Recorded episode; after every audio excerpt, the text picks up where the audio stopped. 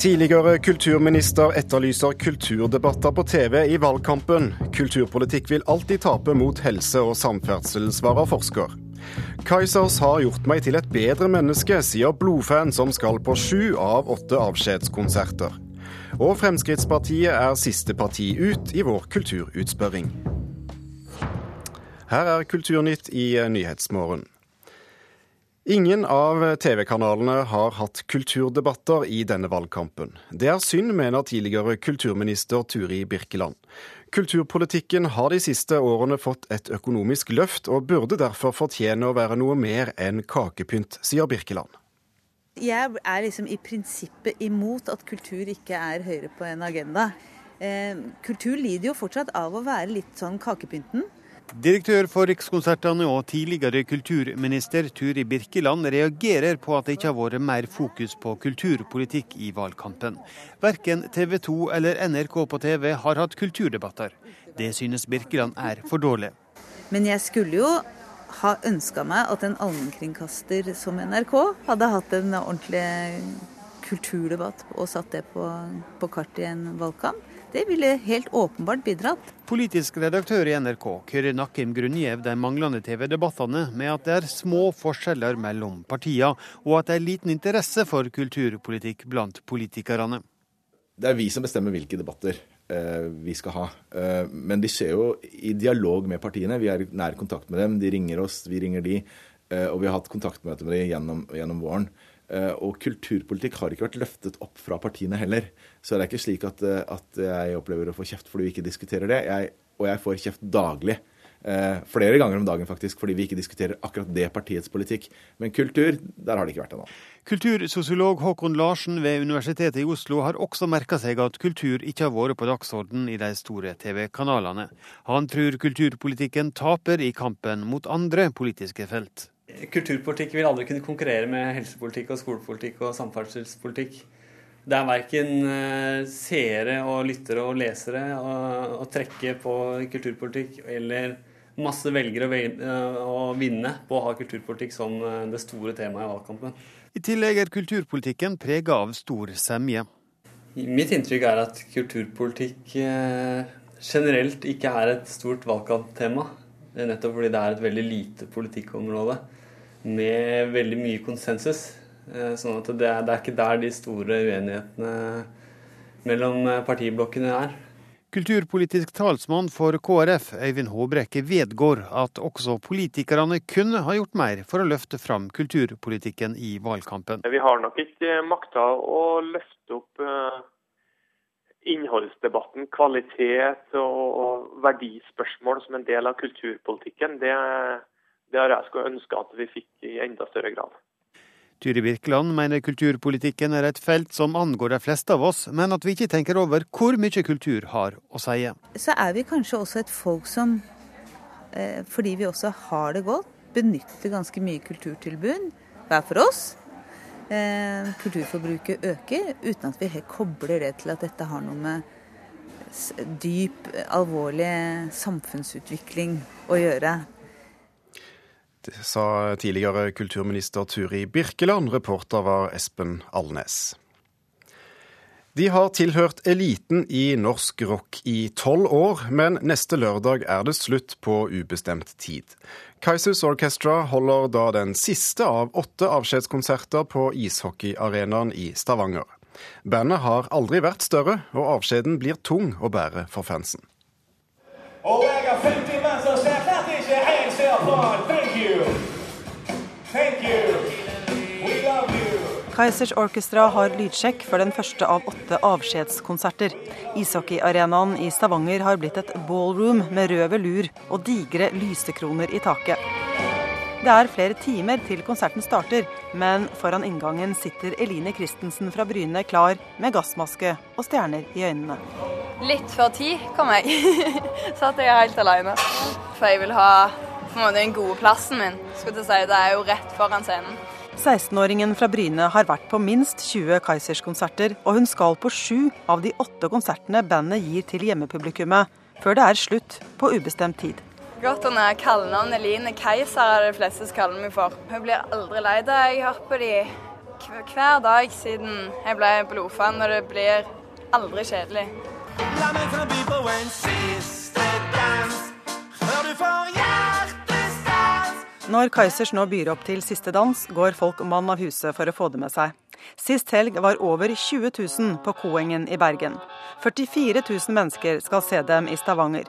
Tolv år etter debuten med 'Ompa til du dør'. Kaizers Orkestra heter et av de friskeste pustene innen norsk rock om dagen. Det fins ei trapp som går ned til en kjeller Hvert år nå blir det jo anbefalt å bare slutte å synge på norsk, for det vil ikke bli plukket opp. Vi skal bare motvise det. Kaizers frontfigur og komponist Jan Ove Ottesen intervjuet av Kulturbeite i P2 3.9.2001. Tolv år og ni album senere har Kaizers trofaste fans både i Tyskland og Danmark. Bandet har spilt i London og New York og er nær ved å bli allemannseie hjemme i Norge. Du er min Det du ser her, det er å satse på bandet. Dette, dette koster flere millioner. Men vi valgte å gå inn med masse egne penger for å satse på produksjonen, på at det skal se fett ut, og lage lange, grundige planer. Og vi hadde tre album. Tre ulike måter å lansere det på. Vi skulle være kreativ og alternativ i alt vi gjorde. Vi har jo alltid vært utadvendte, vil gjerne at alle skal like det. Så da, da, kommer det så mye folk, rett og slett mer og mer hvert år. Det er Keisers er jo verdt å se. altså Jeg syns synd på de som ikke har sett de før de slutter. For det, du trenger ikke være fan for å gå på Keisers, egentlig sier Eline Christensen, hardcore-fan med Keisers tatovering, om enn laget med tusj foreløpig. Tatoveringen kommer når jeg blir 18. Da skal jeg hedre yndlingsbandet mitt og endre, snudde livet mitt på hodet, liksom. Så det, jeg har blitt en mye bedre person etter jeg begynte å på Keisers. Mye lettere å ha med å gjøre. Eh, jeg har alltid noe å glede meg til. Så jeg er blitt en mye gladere og mer positiv person. Det er, helt, det er helt rart. så bra for hun, og så hyggelig å høre. Jeg kan ikke prøve å forstå det, men det handler om å bare gi mye til folk, så får du mye tilbake. Blir konserten neste lørdag den siste Kaizers-konserten? Mm. Ja, det blir jo det i denne omgang. Hvis du, gå, hvis du ser ti år fram i tid, så kan jo så enormt mye skje.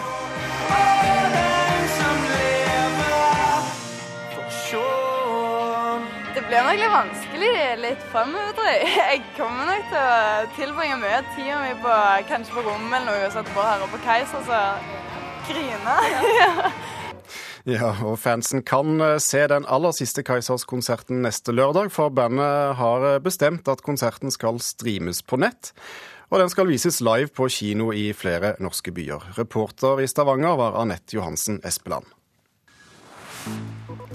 Du hører på Nyhetsmorgen i NRK P2 og Alltid nyheter. Klokken har blitt 14 eh, minutter over åtte, og dette er de viktigste overskriftene.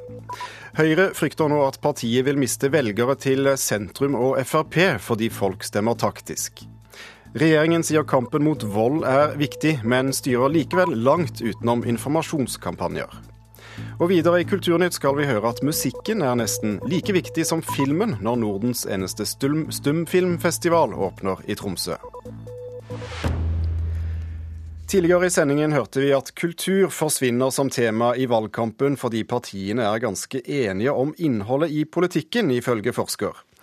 Ib Thomsen fra Fremskrittspartiet, er Frp like enige som alle de andre? Nei, vi er ikke det. Vi ser at det aldri har vært brukt mer penger på kulturen enn det det gjøres i dag. Men samtidig så vet vi jo at det er færre for å oppleve den. Så vi kunne godt tenkt oss å diskutert med alle de andre partiene, og ikke minst nå etter valget, så kan man jo se om man har mulighet til det, å få flere kulturkroner ut i kommunene. Og Det er jo det som er mangelen. Det virker som mye er sentralisert i Oslo, mye foregår i Oslo. Og det har aldri, som sagt, aldri vært brukt mer penger, men det er synd at det ikke når talentene og frivilligheten og teatergruppene ute i kommunene. Så det er eh, forskjellen på oss og de andre. Fremskrittspartiet ønsker et levende kulturliv, er første setning i FrPs kulturprogram. Hvordan skal dere få det til når vi stadig hører at dere bare skal kutte i kulturen? Vi har et budsjett eh, på, på, kultur i år på Stortinget som er mer enn det Giske ble hyllet for når han satt, og det samme som Anniken Huitfeldt hadde når hun satt som kulturminister. Så det er ikke noe dramatikk rundt det. Men vi ønsker å vingeklippe Kulturrådet som sitter i Oslo, og vi ønsker å føre de pengene ut i kommunene. Og så la kommunene selv fordele kulturmidlene der de mener det er riktig å bruke kultur. Og da når man alle, da når man hele landet, og da når man talentene. Så frivilligheten og teatergruppene rundt om i kommunene vil ha et bedre liv ved at Frp får være med å styre kulturpolitikken. Du skaper ikke mer lokalt eh, byråkrati da, når du legger ned Kulturrådet og sender pengene ut? Ja, man får vel neppe noe mer byråkrati enn Kulturrådet. De behandler 16 000 søknader i året. Eh, de innvilger kun 90 eller avslår 90% av dem. Og det er ikke det at du skal være god kunstner for å få penger av Kulturrådet. Du må være god søknadsskriver. Så jeg tror mye gjøres hvis man eh, fører pengene ut av Oslo fra Kulturrådet, Kulturdepartementet, til de lokale, uh, lokale teatergruppene og, og, rundt omkring i hele landet. Så, så, det tror jeg er optimale. Nå ser jeg Senterpartiet begynner å lukte på den tanken også. De har vedtatt dette på landsmøtet. De vil føre pengene til fylkeskommunen, men den ønsker jo vi å legge ned. Så vi ønsker å gå enda lengre. og nettopp ut til kommunene. Og så ønsker vi å se, ta vare på kulturarven vår. Vi ønsker fortsatt å ta vare på Nasjonalgalleriet. Så, så, vi har en helt annen innretning enn eh, de andre partiene. Men noe rasering eh, tror jeg jeg kan avkrefte nå at det ikke blir. Men dere vil kutte noe i forhold til dagens nivå. Eh, samtidig så skriver dere i, i deres alternative budsjett for i år at deres forslag vil føre til mer penger til kulturlivet. Hvordan ser det regnestykket ut? Ja, Vi sier jo at vi ønsker et større samarbeid med frivilligheten. Vi ønsker et større samarbeid med næringslivet. Altså Bare næringskulturnæringen eh, omsetter jo for tre ganger mer enn kulturbudsjettet. Så der er det jo mye penger. Og så ser vi jo også at vi ønsker en gaveforsterkningsordning. Det betyr at hvis kulturen får gaver, så skal også staten være med og bidra. Og så sier vi at, eh, at eh, skattefradrag på gaver bør økes sånn som eh, den er i andre land. Så, så, det er mange måter å, å skaffe penger på. Og så har man litt på hva man bruker pengene på. Ønsker man å bruke pengene på et kulturbyråkrati? Ønsker man å bygge et nytt nasjonalgalleri på Vestbanen når vi vet at vi allerede har et? Så, så går det an å overføre penger fra de stedene til nettopp lokale kulturarrangementer. Og mens vi snakker om bruke penger innenfor det dere kaller et levende kulturliv, hvor stort rom er det der for smale kulturuttrykk? Ja, da må jeg nesten stille spørsmålet tilbake. Hva er, hva er, smal litteratur? Hva er smale stykker? Hva er smal film? Eh, betyr det at folk ikke leser det, ikke ser på det eller hører det? Så ønsker vi nok at kulturen eh, legges mer til rette, at man er mer publikumsorientert. Jeg tror ikke det gjør noe at vi sier til operaen at eh, dere må faktisk øke egeninntekten deres eh, noe mer enn det dere har i dag. Og det betyr at de må faktisk sette opp mer populære stykker, eller la i hvert fall populære stykker gå lenger enn det som gjøres i dag. Har vi for mange kunstnere her i landet? Nei, det tror jeg ikke.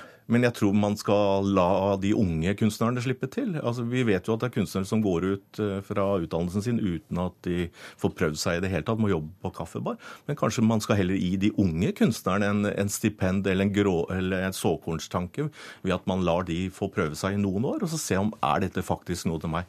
Men i dag så belønner jo regjeringen de gamle, etablerte kunstnerne som, eh, som burde ha klart seg for lenge siden. så men eh, hvem som helst for meg kan være kunstnere, så for mange eh, har vi ikke. Men kan man leve av det, så er jo det helt optimalt. Hva er det største skillet mellom FrPs og Høyres kulturpolitikk?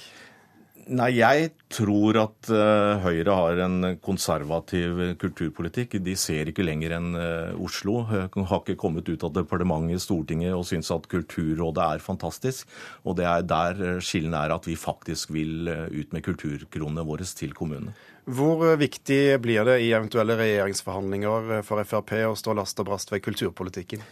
Jeg tror ikke et samarbeid på borgerlig side kommer til å stå og falle på, på kulturpolitikken, selv om jeg personlig skulle ønske det. Men, men jeg, jeg, tror at dette, sammen med Høyre, så finner man gode løsninger på dette her. Så, men vi kommer ikke til å velte noe regjeringssamarbeid på dette hvis det er det som skal diskuteres. Ib Thomsen fra Fremskrittspartiet, takk for at du var med oss i den siste kulturutspørringen i denne valgkampen.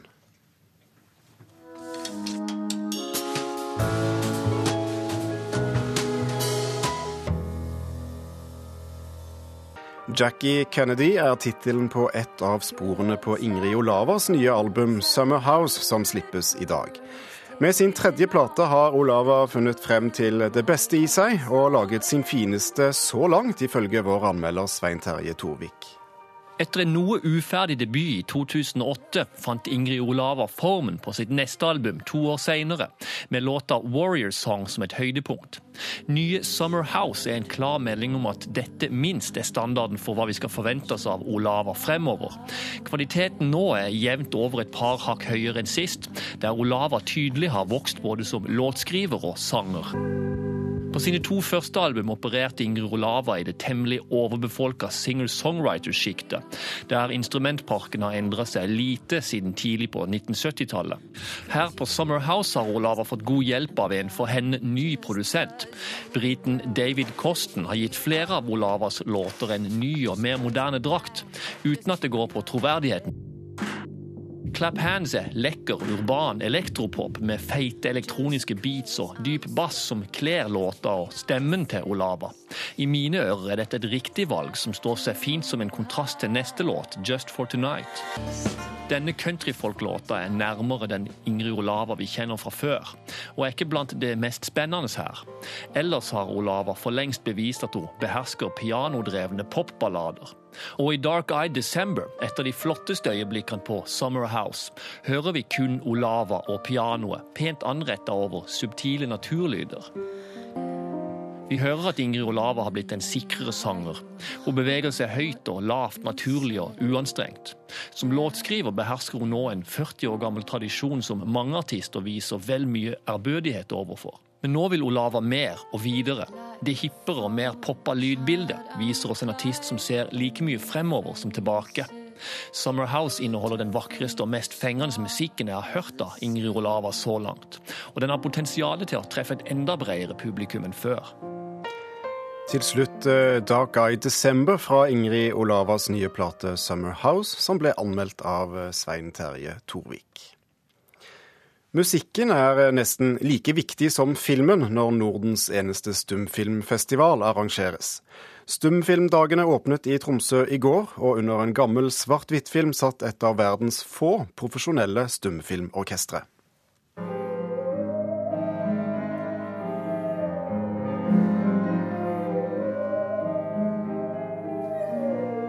When people talk about silent films, I think most of the audience starts to think of this as going to be a kind of a dry academic experience and something that they're going to have to, you know, struggle to stay awake through. And when they get down into the theater and they see these films, they begin to realize that these things are they're fun, they're exciting, they're everything that a normal film experience should be only possibly even a little more exciting because of the live musical element. Med levende musikk blir filmopplevelsen kanskje mer spennende enn normalt, tror Ken Winnaker i amerikanske Alloy Orchestra. De tre musikerne kalles eliten innen stumfilmmusikk, og har komponert og gitt lyd til ei lang rekke stumfilmer, bl.a. Buster Keaton.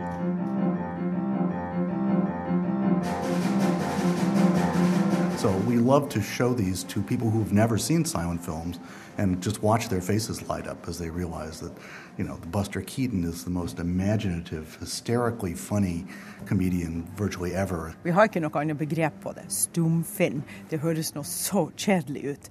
Men i stumfilmepoken så ble det laga så mye spennende film. For det var jo filmens barndom. Festivalsjef Marte Otte og Tromsø internasjonale filmfestival inviterer for åttende gang til en egen stumfilmfestival.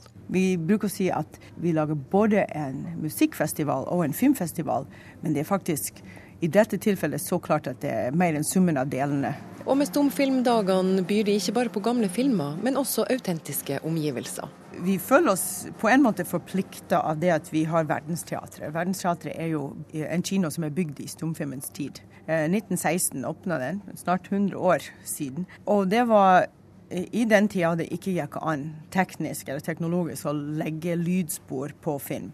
Filmene var ledsaget av levende musikk i salen.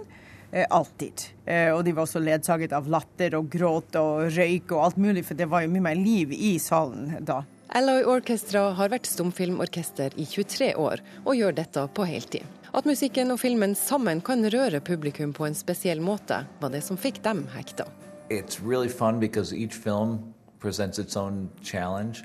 And so it forces you musically to, to go in so many directions that you wouldn't go otherwise. And we get to watch these great movies while we work, so it's not really like work at all.